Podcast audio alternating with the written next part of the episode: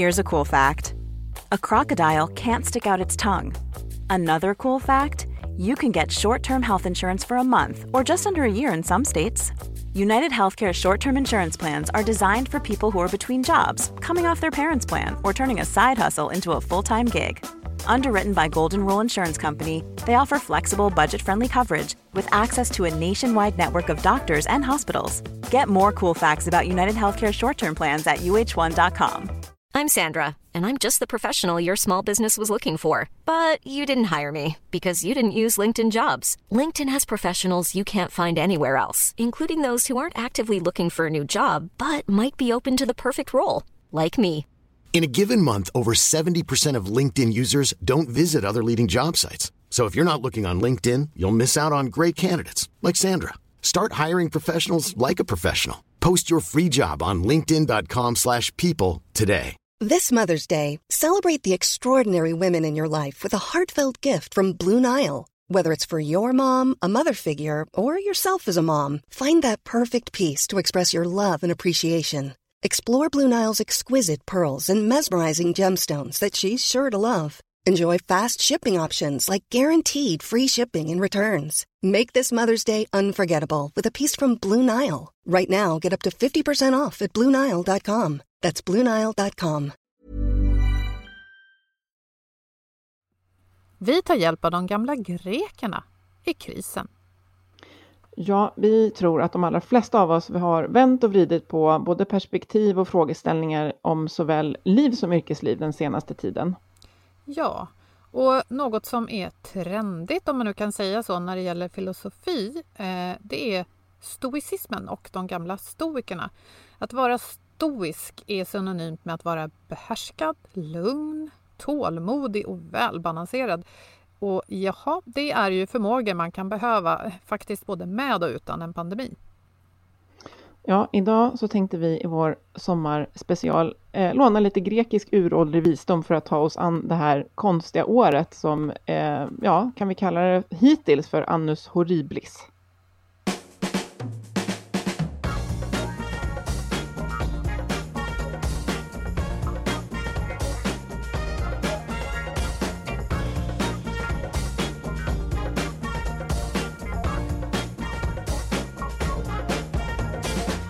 Du lyssnar på Health for Wealth, en podd om hälsa på jobbet.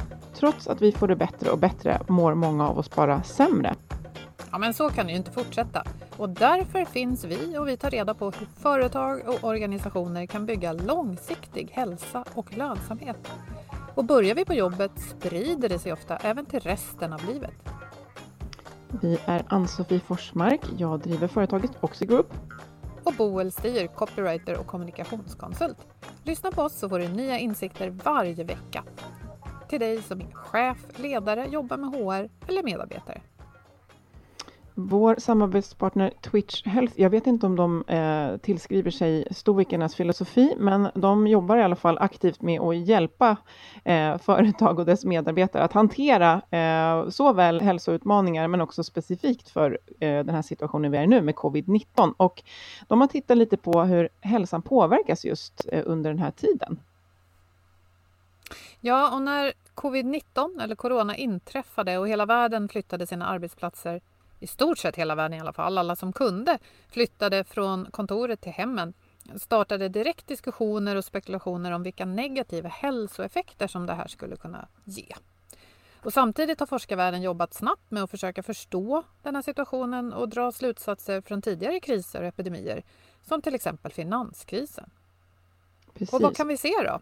Ja, man ser att fysisk aktivitet eh, verkar gå ner och dessutom så förändras våra aktivitetsformer. Och den psykiska hälsan den kan på kort sikt påverkas negativt eh, på grund av isolering och oro. Och då är det förstås så att grupper som redan har psykiska besvär kan vara extra sårbara. Och så kan vi också se att stress, depression och liknande åkommor kan öka. Ja, det är många som förutspår en ganska stor våg av psykiska besvär i kölvattnet av det som händer nu. Mm. Man ser också att matintaget förstås förändras och På, på, kort sikt ser vi en hel del marknadsföring av kosttillskott för att boosta immunförsvaret. Och många som säljer sånt här påstår då att det ska ge skydd mot virus och bakterier men det finns ingen evidens för att överdosering av vissa näringsämnen och kosttillskott skulle minska, minska risken för smitta. Mm, lite, Så det går inte på det. Nej, det känns lite som att man, man, spelar på människors oro. Det kan göra mig lite upprörd också. Och på lång sikt så kan eh, pandemin få betydande negativ påverkan på folkhälsan eftersom många hälsoparametrar påverkas av lågkonjunktur. Men eh, det finns saker att göra och Twitch Health vill gärna hjälpa till. Läs mer om det här på deras hemsida twitchhealth.se och vi länkar dit. Men idag då, dagens sommarspecialämne, vi ska prata om de gamla stoikerna och jag vill först börja med att eh, eh dementera eventuell uppfattning om att jag är så påläst expert eller någonting, ännu i alla fall, men jag har under det senaste halvåret och när jag tittar tillbaka, men ganska lämpligt med tanke på hur det har varit och passande så har jag prenumererat på ett dagligt nyhetsbrev. Jag har inte läst alla, men just som handlar om stoiska resonemang och lite så verktyg och saker att tänka på. De, jag måste säga att de är väldigt aktuella lite för världsnyheter. Så till exempel när vi spelar in det här så är det väldigt turbulent i USA och det jag märkte på nyhetsbrevet igår, att det handlade om det. Men ja, det är råd i alla fall för att hantera eh, utmaningar i livet men också när man vill ta sig an eh, utmaningar. Och ja, men jag har verkligen eh, uppskattat det här. Och vi tänkte ägna den här, vår sommarspecial, åt att prata lite om hur vi kanske kan ta till oss de här dygderna, den här filosofin, för att hjälpa oss detta anno horribilis får man väl ändå säga. Eller man ska egentligen säga annus horribilis, det bara tar emot lite att säga så. Ja, nej men eh, rent ut sagt, vilken skitvår det har varit på flera sätt. Men, men det finns också mycket eh, fint, lärorikt, insiktsfullt att ta med sig. Om man pallar det, det beror väldigt mycket på vad man är när man lyssnar på det här och vad man har varit med om. Men eh, vi tänkte vi börjar lite med att berätta vad stoicismen är då för den oinvigde. Och det här stammar från ungefär 300 f.Kr. i Aten. Eh, men det som i alla fall jag läser mest om det är den här tre, som kallas för tredje vågen stoicism från romarriket runt Kristi födelse och då är det framförallt filosoferna Seneca, Epictetus och så kejsar Marcus Aurelius. Eh, och, alltså det finns jättemycket att grotta ner sig i om de här tjommarna och andra och det är också många filosofer efter dem som använder och utvecklar liksom, stoicismen filosofiskt, till exempel Nietzsche och sådär. Men, men det kommer vi inte gräva ner oss i idag. Nej, vi ska ganska snabbt gå in på What's in it for me? Alltså vi som lever här idag i den pågående coronapandemin. Även om jag kan tycka att det är väldigt häftigt att ta del av hur människor för tusentals år sedan har brottats med samma känslor, utmaningar, tankar och så vidare. Det, det, ja. Men visst är det så, Ann-Sofie, att en central del i stoicismen är att älska sitt öde, det som kallas för amor fati. Mm, och som finns på jättemycket smycken om man vill köpa det. Och, och apropå det här med att de har gått igenom samma saker, alltså pandemier, krig, alltså här kan man snacka om att man riktigt konkret får resa på sig, borsta bort dammet och kriga vidare för sitt liv. Och eh, ja, ja, det här med att acceptera sitt öde och älska sitt öde, eh, det handlar inte alls om att på något sätt vara passiv och, och tänka att det som sker, sker och jag kan inte påverka. Det är inte i den här filosofin, utan snarare att, att försöka hitta mening i det som sker, försöka hitta eh, att det, det, det här hände mig, därför att det är bara jag som klarar av det. Jag tror jag någon av de här, om det var Seneca som sa, eller Aurelius. Eh, och eh, ja, men det är ju mycket saker tror jag vi kan alla pandemi eller inte koppla upp oss på som sker som vi inte kan påverka. Det är eh, varsel, permittering, uppsägning, eh, restriktioner. Jag kan inte åka på min semester, jag kan inte åka och hälsa på eh, de jag tycker om till exempel. Saker som vi absolut inte kan säga att vi kan påverka. Vi kan bara välja hur vi hanterar dem. Mm. Jag kommer att tänka på den här eh, som kallas sinnesrobönen. Den ja. går så här. Gud, ge mig sinnesro att acceptera det jag inte kan förändra, mod att förändra det jag kan och förstånd att inse skillnaden. Mm. Det är helt centralt i det här. Det är verkligen att eh, de pratar mycket om ehm, uppdelningen inre faktorer, alltså det jag kan påverka, och yttre faktorer och att försöka lägga allt krut på det jag kan, eh, det jag kan påverka. Och ju snabbare jag kan flytta min kraft och mitt fokus från att vara eh, upprörd över det som har hänt mig till att förstå det och sen göra det bästa av det. Desto bättre kommer jag ju att må och desto starkare kommer jag ju att vara. Men ja, alltså det, jag var inne på det lite innan, jag kan känna det också. Det, det måste finnas en stund där när man får vara riktigt, riktigt Alltså det kan ju vara ledsen, det kan vara förbannad och upprörd, för det går inte bara att hoppa på att ja, men nu händer det här. Det finns nog en mening i det och nu ska jag ta mig an den. Jag blir jag har läst några bloggposter då, som folk har skrivit om det här och jag känner mig liksom ibland lite provocerad av att, men vet du vad? Ibland måste man bara få vara riktigt nere på botten, för det kan ju vara något riktigt, riktigt tufft. Ja, men det tror jag. Och om man pratar om sorg till exempel, som kan vara något som man upplever idag över förlorade vänner, förlorade arbeten. Eh, det, har ju en process, alltså, det arbetet har ju en process. Där man, ja men det är ju det här att först förstår man inte riktigt vad som har hänt, man lever i förnekelse och så blir man arg och så vad det nu är. Och till sist blir man ledsen och först då så kan man gå vidare. Och det är väl samma sak här, när det händer svåra saker. Vi måste ju få vara människor, vi måste ju få vara ledsna, arga, eh, kanske älta ett litet tag tillsammans med dem vi tycker om. Men det är väl, gissar jag, Ann-Sofie, det handlar väl om att inte fastna i det, mm. för att det är inte så konstruktivt. Nej, och jag, när du säger sådär så tänker jag lite att vi, vi har väldigt mycket så strategier för det här att, att, vara, att då ta sig framåt igen. Att så här, vad är det jag kan påverka och ta sig framåt? Men jag tänker också att vi ska, eh, det kanske inte ska vara konstruktivt, men verkligen, har du verkligen brutit ihop över det här? Alltså har du gjort det ordentligt? Alltså för gör man inte det, jag tänker på sorg nu, som om inte det får följa de här processerna, kommer och biter den i rumpan långt senare. Det har jag ju själv fått uppleva när jag flytt ifrån sorg, att det kommer och biter en sen. Men låter man de här stegen gå, så, så läker man på ett annat sätt. Men jag tänker att man verkligen ska ge sig tiden att vara fruktansvärt ledsen. För, för då kanske man just kan lämna det och, och kliva vidare. Men att direkt försöka vara check och glad, då, då har man liksom då har det ju inte betytt någonting, säger man ju då ungefär. Om man då tänker att man har blivit av med jobbet Nej. eller vad det kan vara.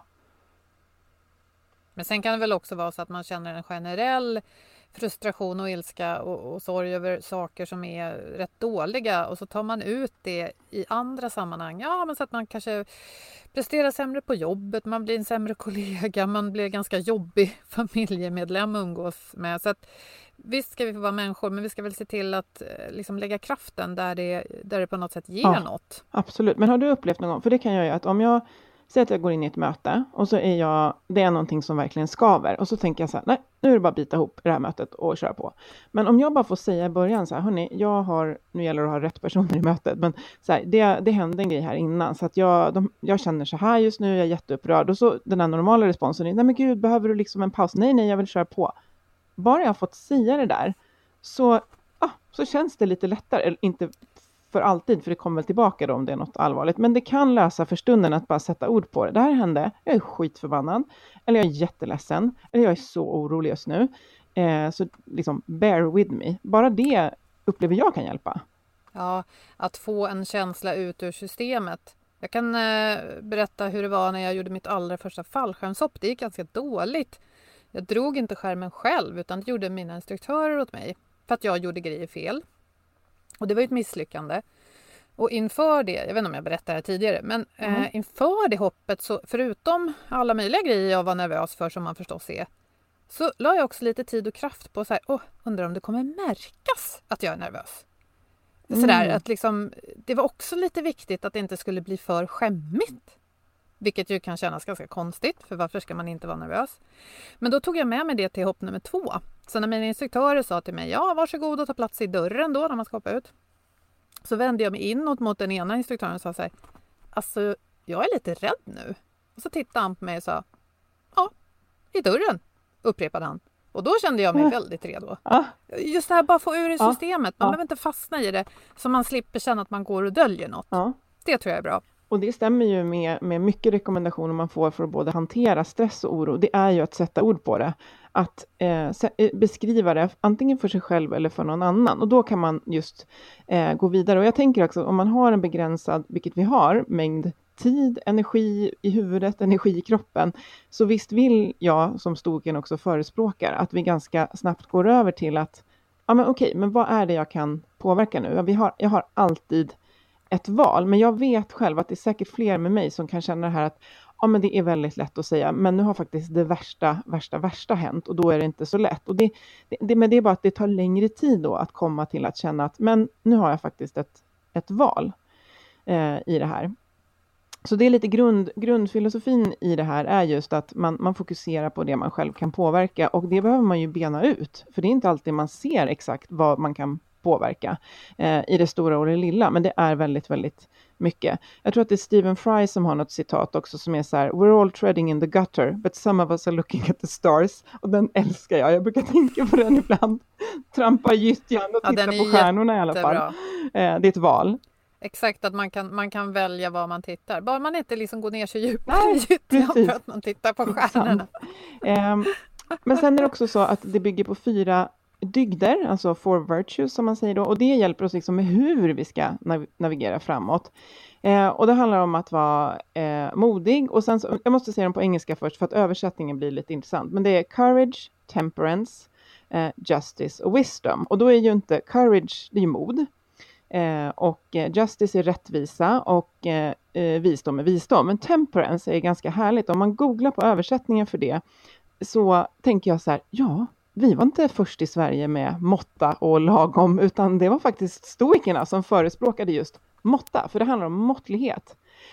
Och den tycker jag är intressant, för jag kan tänka att fy vad tråkigt det lät om jag ska ha det som en, en riktlinje i livet. Men jag tänker att det är ju på helheten. Alltså jag är omåttlig inom vissa saker, men då måste jag vara mindre än måttlig på andra för att det ska bli balans. Så att jag kan total gå all in mm. och nörda ner mig i någonting, men det kan jag inte göra i allting jag gör, för det håller inte. Så att det är måtta över, liksom, över spannet som är livet. Eh, och har jag gasat på med någonting, då behöver jag liksom hitta balansen. Men de pratar jättemycket, måttlighet, det är också att kunna kontrollera sina känslor. Att, att liksom kontrollera sitt, ja. Eh, men de här fyra dygderna, det är navigeringen i livet. Så. Och det är ju, ja, det är intressant det där som du säger med måtta, för att jag tror att både du och jag är sådana personlighetstyper att vi tycker instinktivt att ordet är lite tråkigt. Jag vet min pappa sa till mig någon gång Boel, du måste lära dig, eh, du måste lära dig dina begränsningar. Så tänkte jag så här, det var det tråkigaste jag någonsin har hört. Hur gammal var du då? Jag var nog 20-25 tror jag. Ja. Men just det här att det låter inte kul. Man, mm. Ibland vill jag faktiskt få vara gränslös och mått, måttlös. Men inom ramen för någonting. Jag menar, Mm. Som du säger då, köra loss på gitarren eller eh, vad vet jag, så här, hälla i sig ganska mycket vin en kväll. Fast när klockan mm. slår tolv då är det liksom Askungedags för annars så funkar det mm. faktiskt inte på jobbet nästa dag. Lite så.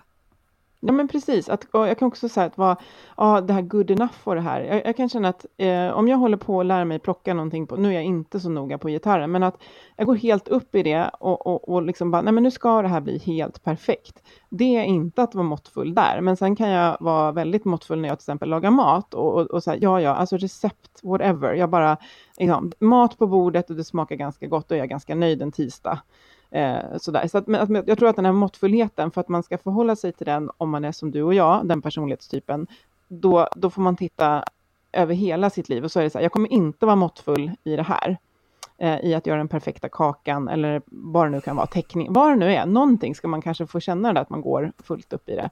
Men jag, mm. jag tänkte lite att eh, de här, att stoikerna menar att vi kan ju inte kontrollera världen, men vi, de, här, de här dygderna, de hjälper oss att respondera till hur världen är. Och det gör vi med mod, måtta, visdom och rättvisa. Eh, och att det kan hjälpa att uppleva en, en typ av frihet och eh, att man alltid ska ha möjligheten att använda sitt resonemang och göra val. Och vi ska alltid försöka göra det, det rätta. För det enda vi kontrollerar, det är ju vår respons till eh, det som sker, men också hur vi, responsen är aktiv, alltså det jag driver själv. Just det. Och den här måttan är väl också ett redskap som kan hjälpa oss att se klart på vad det är vi kan påverka och vad det inte vi kan påverka och hur mycket tid vi ska lägga på att vara frustrerade över det vi inte kan påverka och, och när det är dags att liksom rikta om fokus på det här, tänker jag, göra bättre eller mm. förändra eller förbättra. Ja, men att det, jag tänker att det skulle kunna vara den moderna versionens eh, värderingar. Och jag eh, reflekterar över det här med eh, hur viktigt rättvisa är för mig och jag bara känner det är en av mina absolut starkaste värderingar. Alltså rättvisa är sådär så att det, det kokar inombords. Så. Eh, för mig. Så den är, den är liksom super, superviktig att jag måste ha med den. Eh, visdom har jag liksom, kan jag inte känna att jag har något aktivt förhållningssätt till. Måtta har jag då fått fundera på. Eh, och så ska vi se, vad, vad, är det, vad är det fjärde? Ja, men att vara modig, precis. Mm. Mod. Men kan vi inte ta en, någon praktisk situation som vi kanske själva upplevt under våren eller någon gång och se hur vi med de här fyra verktygen skulle kunna hantera den? Ja, vad svårt det blev att tänka så. Men jag, jag, jag tänker just på... Ja. Men jag tänker, ja, jag tänker på en sak. Jag tänker på eh, när jag drev mitt bokförlag under många år och ville en massa saker och eh, det helt enkelt inte gick bra ekonomiskt. Intäkterna räckte inte till, marginalerna på det jag sålde var inte tillräckliga. Eh, och att mod då, tänker jag så här, mod skulle man kunna tolka som att jag kör på. Det, det här är det jag vill. Jag tror på det. Det kommer att funka. Eh, om det bara är mod. Men eftersom jag då ska eh, klumpa ihop modet med måtta, visdom och rättvisa så kan man ju tänka sig så okej, okay, mod är bra, men man kanske måste vara måttligt modig för om man är modig i en riktning som inte ger något, då måste man kunna backa från det och det är ju också mod. Verkligen. Visdom. Mm. Och det är ju någon slags vishet, att, ja, visdom att kunna komma till det och det tror jag också att det, svåra situationer nu, det här gällde ju då liksom arbete, ekonomi, men det kan ju också gälla relationer, eh, sorg, liv och död. Vi sällan klarar vi bra av de här situationerna utan andra människor. Och jag tänker att visdom på något sätt, för mig i alla fall, har det att göra med ja, att, ta till, att ta till mig vad människor jag respekterar mm. säger och tänker. Eh, att läsa till exempel om stoiker och hämta kraft där. Och att ha en, en, ett mått av reflektion där man liksom tar ett steg tillbaka och ger sig själv tiden och tänka efter. Okej, okay, jag är kär i det jag håller på med nu. Jag är kär i min väg framåt. Men är den verkligen bra? Eh, och, och, kanske också att det är lite rättvist mot en själv om man är en sån här människa som har en benägenhet att köra på, att man har pannben, att då säga till sig själv som jag kanske fick göra att ja, men, nu kanske du tycker att det är jobbigt att ge upp det här som du ville. Och, eh, det kanske var förenat med en del liksom, skamkänsla också. Att då måste jag ju bli offentlig med att det inte gick bra för något som jag eh, gjorde. Men det är rättvist mot mig själv och även mot alla andra jag jobbar med. Att se tydligt på situationen mm. och att göra det som krävs. Jag vet inte. Vad tycker du om det? Nej, men det var ett jättebra exempel. Det hänger ju verkligen, verkligen i, ihop. Och jag, jag tänkte på det där med att vara modig, att jag tycker att jag behöver vara modig i det eh, lilla ganska ofta, eftersom jag har ett jobb där jag ofta står och, och pratar inför folk, vilket ju för många har varit liknat, men man är rädd för döden, fast ännu mer rädd för att prata inför folk. Och det där har jag absolut hittat ett förhållningssätt till, men det är absolut att blotta sig själv.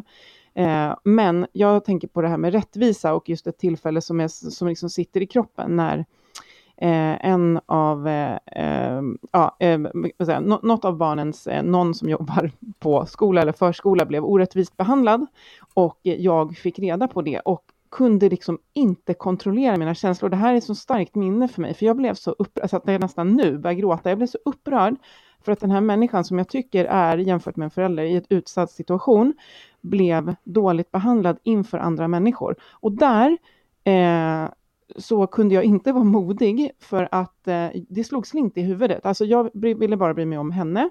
Eh, men hade jag tänkt till lite grann, då hade jag kunnat liksom agera och stå upp för det här på ett smartare sätt, som jag tror att jag kommer göra nästa gång jag ställs inför den här situationen. Men när det uppstår orättvisor, då behöver man ofta vara modig för att stå upp för dem. Eh, och man behöver, som du säger, använda visdom, kanske erfarenhet, prata med andra om hur man ska hantera det här för att ta sig framåt. Nej, men, absolut, eh, men det är sånt där konkret exempel. Ja, men det är ju jättebra för att eh, om man ser en orättvisa, ofta det som saknas är ju någon som ställer sig upp och agerar där och då.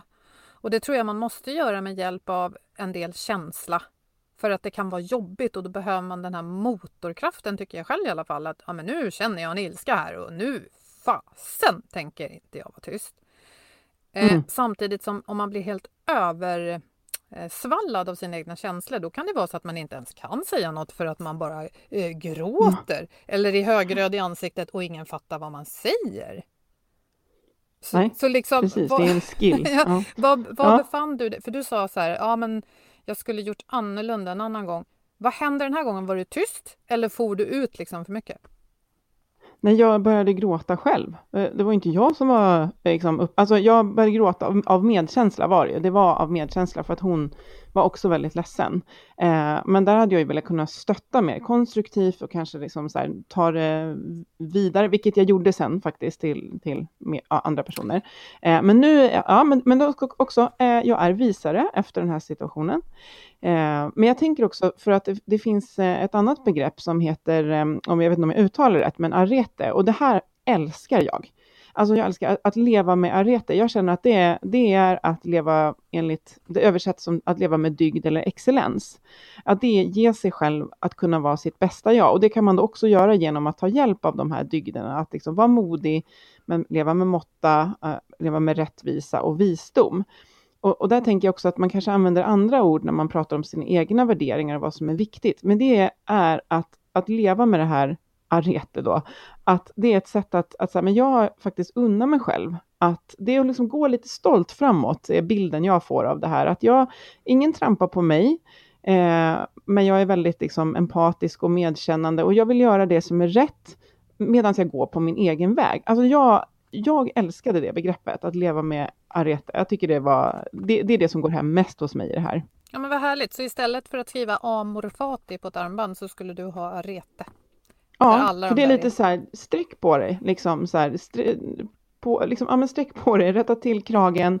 Eh, och, och, och liksom, för det är också schysst mot andra, att vara liksom i, i, sina värderingar och liksom stå upp för saker och vara modig. Och det, det ser vi ju nu när vi pratar mycket om att vi behöver psykologisk trygghet och tillit. Det hjälps åt av att folk känner sig trygga i sig själva och säger, ja, det där är eh, det där är inte för mig, det här är, är det här är min väg, så här. men, men vi, vi vandrar ju tillsammans och vi har respekt för varandra och vi hjälps åt. Men det här är, det här är jag.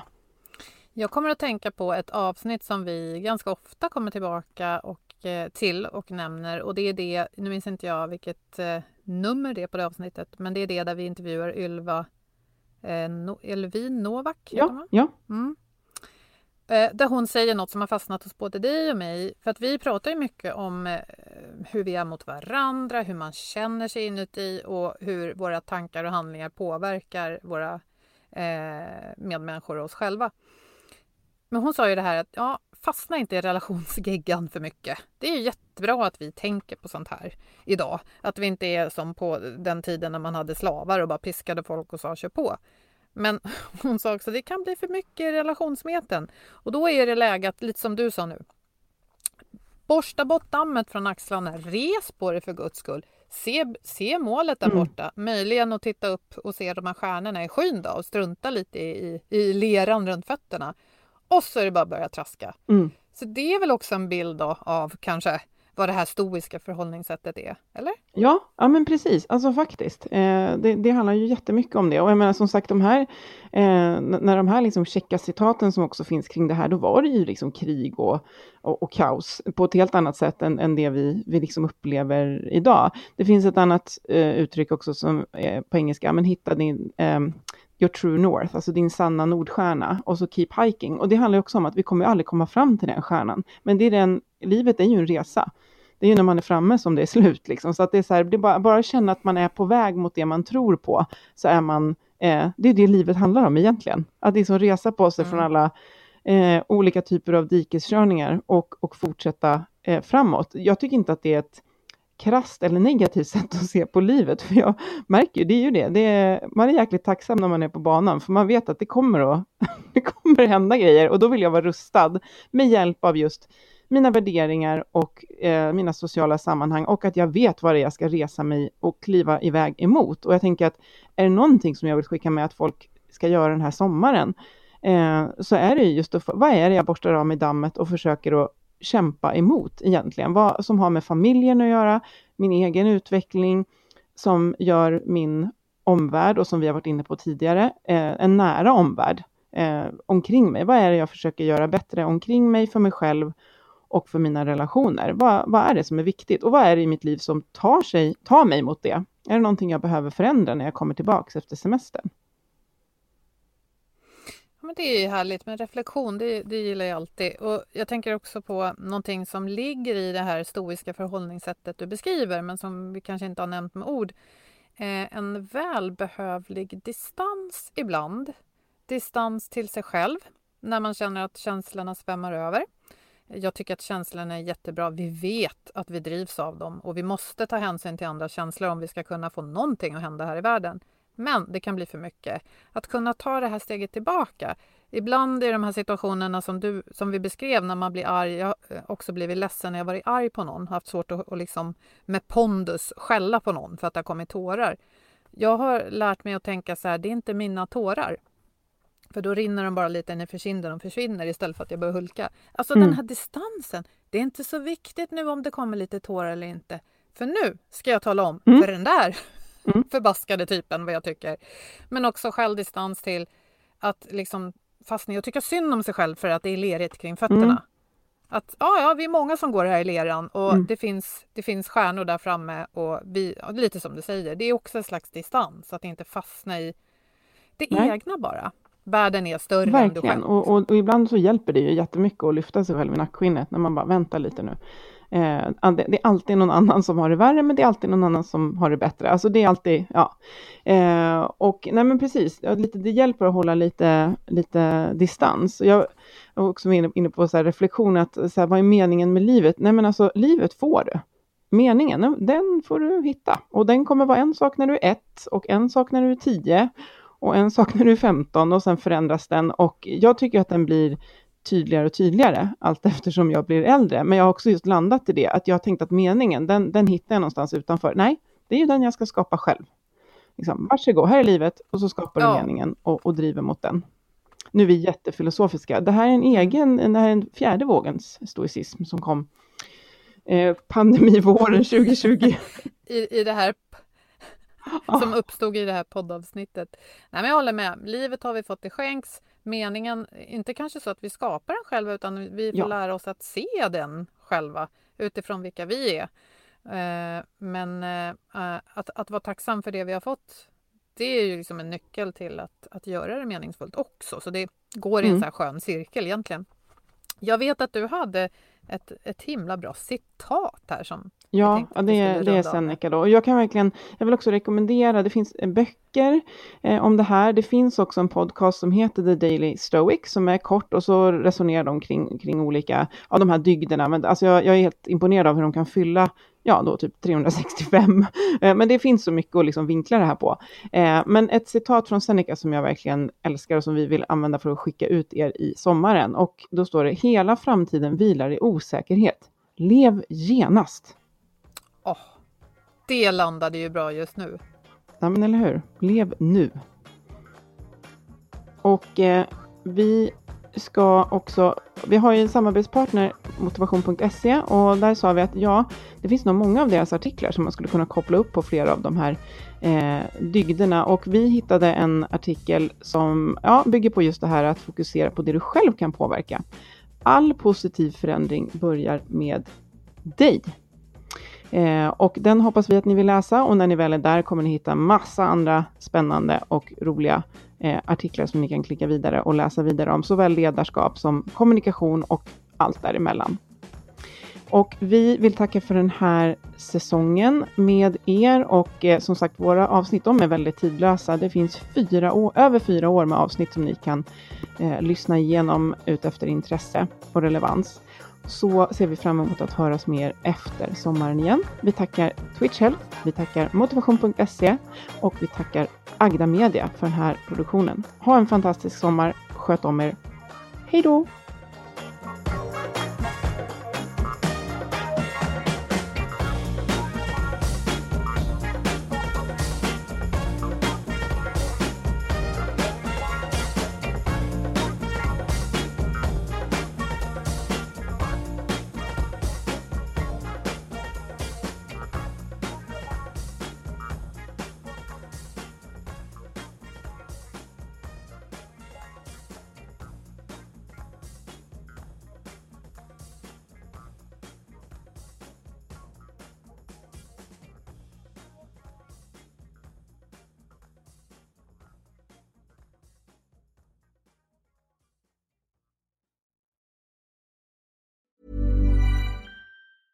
Mom deserves the best, and there's no better place to shop for Mother's Day than Whole Foods Market. They're your destination for unbeatable savings, from premium gifts to show-stopping flowers and irresistible desserts. Start by saving 33% with Prime on all body care and candles. Then get a 15-stem bunch of tulips for just $9.99 each with Prime. Round out Mom's menu with festive rosé, irresistible berry chantilly cake, and more special treats. Come celebrate Mother's Day at Whole Foods Market. Hey, it's Danny Pellegrino from Everything Iconic.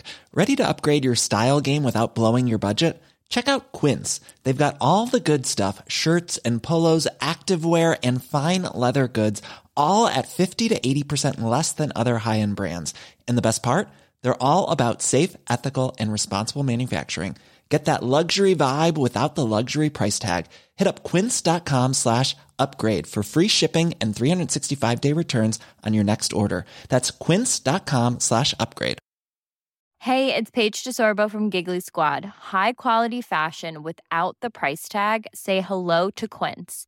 I'm snagging high-end essentials like cozy cashmere sweaters, sleek leather jackets, fine jewelry, and so much more. With Quince being 50 to 80% less than similar brands.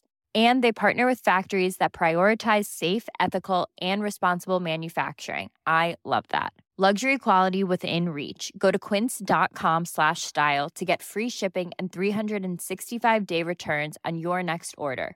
Quince.com slash style.